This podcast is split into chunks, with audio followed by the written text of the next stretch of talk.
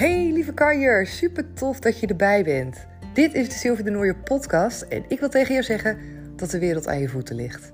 Er is zoveel mogelijk voor ons allemaal. En wat mij betreft begint het allemaal bij het creëren van jouw succesmindset. Voelen hoeveel kracht er zit in het creëren van zelfliefde. En natuurlijk werken met de wet van aantrekking. Dat zijn de drie thema's waar ik zo ontzettend sky high ben gegaan de afgelopen jaren.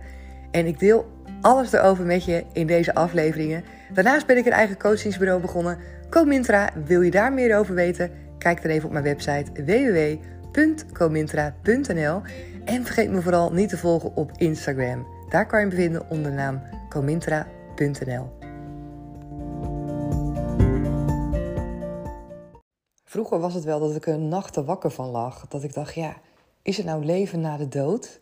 En ik geloofde daar niet in. Ik geloofde eigenlijk helemaal nergens in. En ik kan je vertellen dat dat uh, niet een heel erg aangenaam gevoel was. Ik weet dat ik echt vaak wakker lag s'nachts. En dan dacht ik eraan over hoe het zou zijn als ik dood zou zijn. En als er dan niks was. En dan probeerde ik me het oneindige niets voor te stellen. En dat ging, daar ging ik steeds dieper in. In het begin was het een zwart, soort van zwart gat. En dacht ik, nee, het is ook niet zwart, want het is niks. Dus ik weet ook niet dat het zwart is. Ik ben er niet. Weet je, ik, ja, nu, terwijl ik nu leef, kan ik me voorstellen dat dan iets een zwart gat is. Maar als je er niet meer bent, als niks meer is, dan uh, ja, is er zelfs geen zwart gat.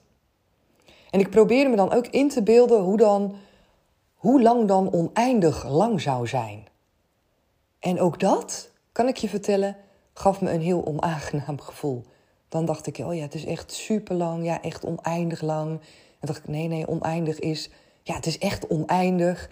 En dat gevoel, ik werd daar echt zo vaak echt misselijk van. En ik weet dat ik echt huilend in mijn bed lag, omdat ik gewoon uh, het vreselijk vond. Ik vond het vreselijk. Maar er was ook helemaal niets waarin ik wel kon geloven. Er was niets waarvan ik dacht, ja, dit is dan wel een beetje waar of niks. Ik weet wel dat ik ook vroeger als kind me altijd heel erg uh, fijn heb gevoeld, wel in de natuur. Dat ik wel altijd vond, of vond, voelde dat we verbonden zijn met de natuur. Dat is nog steeds zo. Maar ik had het als kind wel opmerkelijk. Uh, ook als ik erop terugkijk, denk ik van ja, ik denk dat de gemiddelde kind van mijn leeftijd zich niet zo verbonden voelde, bijvoorbeeld met bomen. Of ik weet dat ik echt nog wel boeken had ook thuis over planten en bomen. En ehm, dat ik daar wel heel erg ook mijn rust bij vond. En waarom zeg ik dat? Dat zeg ik denk ik omdat die manier van kijken, dat hele pure, die verbindenis met dat er meer is en dat we verbonden zijn met de natuur en dat we één grote geheel zijn, dat kwam ook later wel weer op mijn pad, dat ik daar geïnteresseerd in raakte. En ik heb wel eens vaker gedeeld in afleveringen dat ik een boek ging lezen. Eén zijn heet dat. Ik heb het ook toevallig net hier voor me liggen, zie ik. Dat ik het er weer eens bij had gepakt. Eén zijn, thuiskomen bij jezelf van Jan Kerschot. En dat, het boek trok me enorm aan. Het plaatje wat erop stond, wat misschien niet eens zo heel erg bijzonder is. En exact dat plaatje, dat zie ik nu net trouwens. Dat is wel heel mooi. Exact dat plaatje Ehm, gaf bij mij de omslag in denken. Het is een plaatje met allerlei, ja, met grond of met zand. het is wel bijzonder, want het boek begint ook ehm, dat je ook denkt van, oh, oké. Het begint namelijk met een waarschuwing. Nou, dat is natuurlijk niet zo heel erg uh, vanzelfsprekend in een boek. Maar, uh, wat schrijft hij? Even kijken hoor, die waarschuwing. Ja, dat vooral de mensen die een neiging hebben of een geschiedenis van depressie, een, depersonaliserend, uh, een depersonalisatiestoornis, schizofrenie of welke andere psychische stoornis dan ook, zouden dit boek beter niet kunnen lezen en dienen, indien ze dat wel doen, voorzichtig te zijn met de erin beschreven experimenten. Ja, nou, dus ik las dat en ik dacht, oh, oké, oké ik dacht, ja, weet je, voordat ik namelijk dit boek, ging lezen, had ik wel periodes van mezelf dat ik wat neerslachtiger was en uh, dat soort dingen. Maar dit boek, ik zeg niet dat jij dat moet gaan lezen, maar dat was voor mij wel echt een eye-opener in dat ik voelde en in één keer wist dat er meer was. Ik wist het, ik voelde het. En er staat ook thuiskomen bij jezelf. Ik heb die titel nooit zo.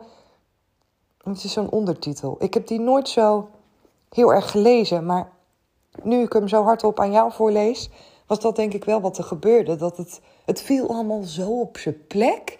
Ik las het en ik had totaal geen moeite om te begrijpen wat er stond. Normaal heb je wel eens van die tekst of die zinnen, die moet je dan nog tien keer lezen. Of dan denk je, ik snap niet precies wat ze bedoelen. Ik had dat niet. Ik begreep echt direct hoe het zat. En er is nog wat anders dan het begrijpen en voelen.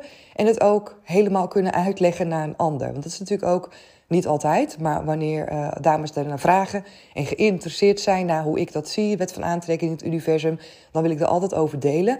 Maar soms is het ook makkelijker om dingen te voelen dan om uit te leggen hoe het allemaal werkt en hoe ik dat allemaal precies zie.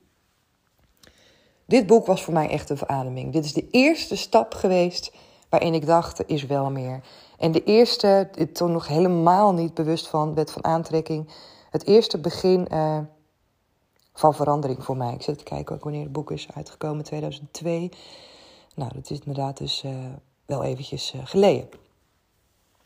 Oké. Dus ja, dat zwarte gat waar ik eerder bang voor was, dat is er nu niet meer. Ik geloof echt oprecht dat er zoveel meer is dan dat we kunnen beseffen. En ik zat een documentaire te kijken van Surviving Dead. Ehm, die is op Netflix, mocht je daar geïnteresseerd in zijn. En dat gaat ook over bijna doodervaringen. Ook mensen die ook, uh, ook wetenschappers bijvoorbeeld. De eerste, uh, eerste aflevering gaat ook over een wetenschapper, over een vrouw. Die normaal gesproken echt heel erg zwart-wit zijn. En niet geloven hè, dat wat niet is bewezen, dat is er niet. Maar er zijn toch menig mensen die bijna doodervaring hebben gehad. Die daarin zijn veranderd van mening. Hele bijzondere verhalen vind ik dat altijd. Dus ik vroeg mezelf ook af, als er dan leven is naar de dood, een bestaan op een andere manier zoals hier op aarde, maar er is een vorm van ja, voortzetting van ons zijn, op wat voor manier dan ook. Een vorm van energie, een vorm van, nou ja, noem het maar op.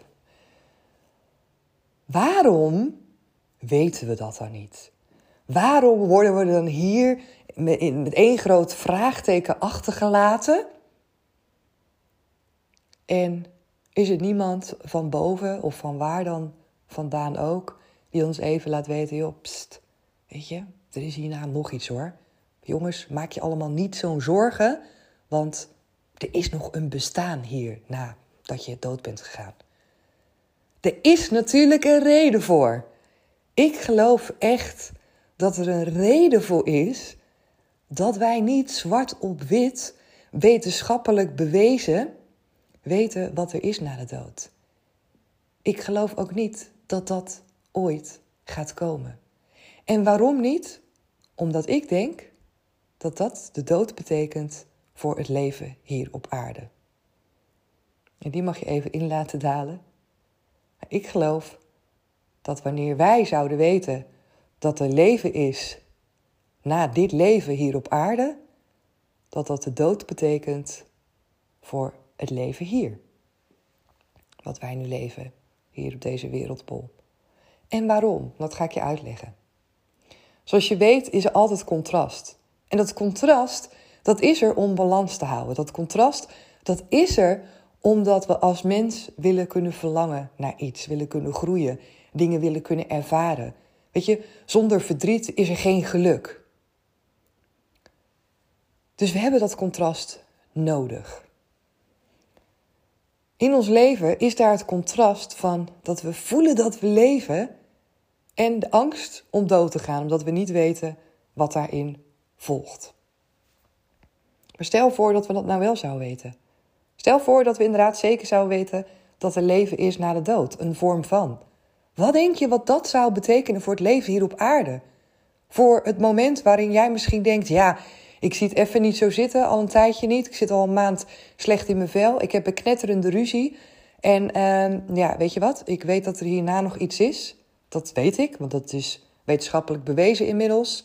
En die bijna doodervaringen van mensen, nou die klinken echt wel goed. Want als je die bijna doodervaringen hoort, dan is het fantastisch. Dan is het liefde, dan is het alles. En dan is inderdaad de, de tijdservaring die wij hier hebben op aarde, bijvoorbeeld, dat is daar niet. Tijd is gecreëerd door ons mensen. Dus het is waar een veelheid van alles. Wat denk je dat dat doet met ons bestaan hier? Ik denk dat dat betekent dat we ons op een hele andere manier zouden gaan gedragen. Op een hele andere manier zouden omgaan met elkaar. Op een hele andere manier zouden omgaan met tegenslag. Op een hele andere manier zouden omgaan met de tijd die we hier hebben. En wanneer je weet dat iets niet meer kostbaar is, wanneer je weet dat je iets eigenlijk niet kan verliezen of dat er nog iets beters voor in de plaats kan komen, ja, je weet wel wat er dan gebeurt. En ik denk oprecht dat dat de reden is. Stel voor, ik zeg ook altijd uh, tegen mijn man, die uh, is ook altijd nog een beetje sceptisch over uh, of er nou leven is na de dood. Vindt hij ook niet leuk trouwens, maar hij gelooft daar ook nog niet zo heel erg in. Ik zeg ook altijd, stel voor dat je als baby in de buik zit hè, bij, bij een vrouw. En als baby weet je niet dat je geboren gaat worden. Je weet niet dat er hier een aarde is überhaupt komen we ergens vandaan, hè, voordat we um, als mensje gevormd worden in een buik. Dus ja, daar, dan, dan zijn we ook niets, maar toch wel weer iets. dus op een gegeven moment uh, komen we dan in de buik, zijn we een, een, een embryo, worden we een babytje. Weten we ook niet dat er zoiets is als geboren worden op aarde. We don't know. En toch is het er. Stel voor dat jij als baby nu weet in die buik dat daar een aarde is met ijs, met melk, met dingen die je kan kopen. In de plek van in de baarmoeder zitten te dobberen aan die navelstreng dat daar gewoon veel meer is. En dat het de kwestie is van opgroeien en ouder worden voordat je er allemaal van kan genieten. Ja, wat denk je dan? Ik denk dat er dan baby's veel sneller, veel sneller ter aarde zullen komen, veel sneller geboren zullen worden, dan dat misschien bijvoorbeeld de moeder er klaar voor is. Of misschien zo'n babytje zelf wel er klaar voor is. En dan zou je misschien zeggen, ja, baby's kunnen niet nadenken. Of, oké, nee, ja, misschien wel. Misschien wel op dat level. Wat ik je bedoel te zeggen, is dat het zo bedoeld is. Ik geloof erin dat het zo bedoeld is. Ik geloof er ook in dat het grootste verlies in tijd en in energie, dat het kan zitten in erover nadenken wat er is na het leven. Of je zorgen maken over wat er is als je dood bent.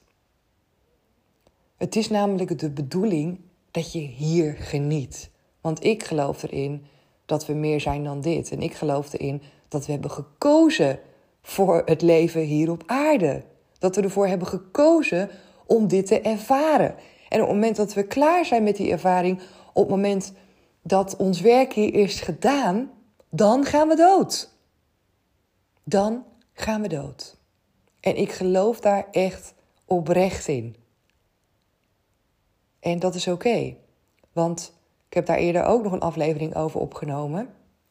Er is een verschil hè, tussen, tussen leven, of wat had ik dat al gezegd, leven en, en doodgaan, of tussen geboren worden en doodgaan. Die had ik gezegd. Hè. Doodgaan betekent niet dat je niet meer bestaat. Misschien in deze menselijke vorm niet meer, dat geloof ik wel. Maar het betekent niet dat er niets meer is. En ik denk echt oprecht dat. Ik denk niet dat het komt, maar stel je ook eens voor dat er een moment is dat wetenschappelijk wordt bewezen dat er een leven na de dood is? Kan je je voorstellen hoe het er dan uitziet? Voor alle mensen die misschien denken: Oh, ik ben depressief, ik wil een eind maken aan mijn leven, die dat niet doen en die na een jaar ontzettend blij zijn dat ze dat niet hebben gedaan? Wat denk je? Als ze weten dat er een leven na de dood is. Ja, dan is er niet zo heel veel nodig, toch?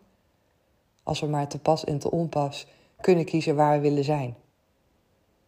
Nee, ik denk echt daadwerkelijk dat het zo bedoeld is.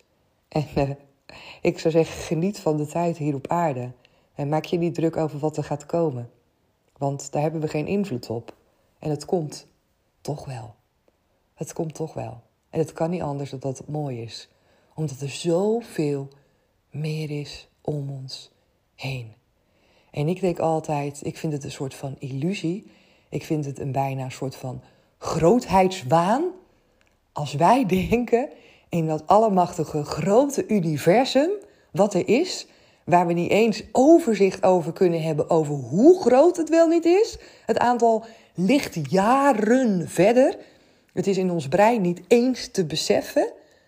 En dat wij dan denken, met onze grootheidswaan noem ik het dan altijd maar, dat wij de enige zijn. Dat wij het enige leven hier zijn. Omdat we nu eenmaal niets anders bewezen hebben. Haal toch op met me.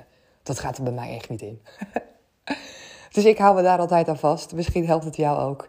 En ehm, ik vond het wel mooi om deze even met je te delen. Omdat ik daar toevallig het een en ander, nou ik geloof niet in toeval, maar omdat daar het een en ander bij mij op mijn pad is gekomen. En misschien ben jij precies degene die dit nu net mag horen. En laat me weten wat je ervan vindt. Natuurlijk mag je ook jouw visie delen. Het is niet dat ik je iets wil opdringen. Het is niet dat iets goed of fout is. Of dat je de dingen moet gaan geloven zoals ik ze geloof. Ik wil gewoon mijn visie delen. Mijn reis hierin. En ook vooral wat het mij gebracht heeft. Een heel groot stuk vertrouwen ook. En dat is fijn. Daar ga ik lekker op. Vertrouwen in het hier en nu. Vertrouwen dat alles precies zo is zoals het moet zijn. Oh, dat is echt heerlijk. En dat gun ik jou dus vooral ook heel erg. Ik wil je weer bedanken voor het luisteren naar deze aflevering. Vond je deze aflevering nou tof? Vergeet dan niet om me die sterren te geven op Spotify. Is echt onwijs fijn en belangrijk voor me als je dat doet. Dus voordat je afsluit, geef me eerst even die sterren. Druk daar even op. En heb je beschikking tot iTunes? Laat dan een leuke review voor me achter. Is echt heel erg waardevol. En ja, wat kan je nog meer doen? Nou ja, deze aflevering natuurlijk delen bijvoorbeeld op je social media kanalen. Of delen met iemand in je omgeving waarvan je denkt, ja, diegene die loopt ook altijd zo te struggelen met dat verhaal over leven en dood. Misschien is dit wel een goede aflevering voor diegene dan en kan jij hem of haar daarop wijzen. Dat zou toch heel fijn zijn. Voor nu enorm dankjewel weer voor het luisteren en heel graag natuurlijk weer tot morgen. Doeg! Dankjewel weer dat je erbij was en dat je hebt geluisterd naar deze aflevering. Vond je het nou tof? Geef me dan even sterren op Spotify of laat een reactie voor me achter op iTunes. Je kan me daar enorm mee helpen en de podcast kunnen we daarmee alleen maar verder, verder en meer gaan verspreiden door iedereen die ook net dat beetje meer energie en positiviteit kan gebruiken. Dus help je mee?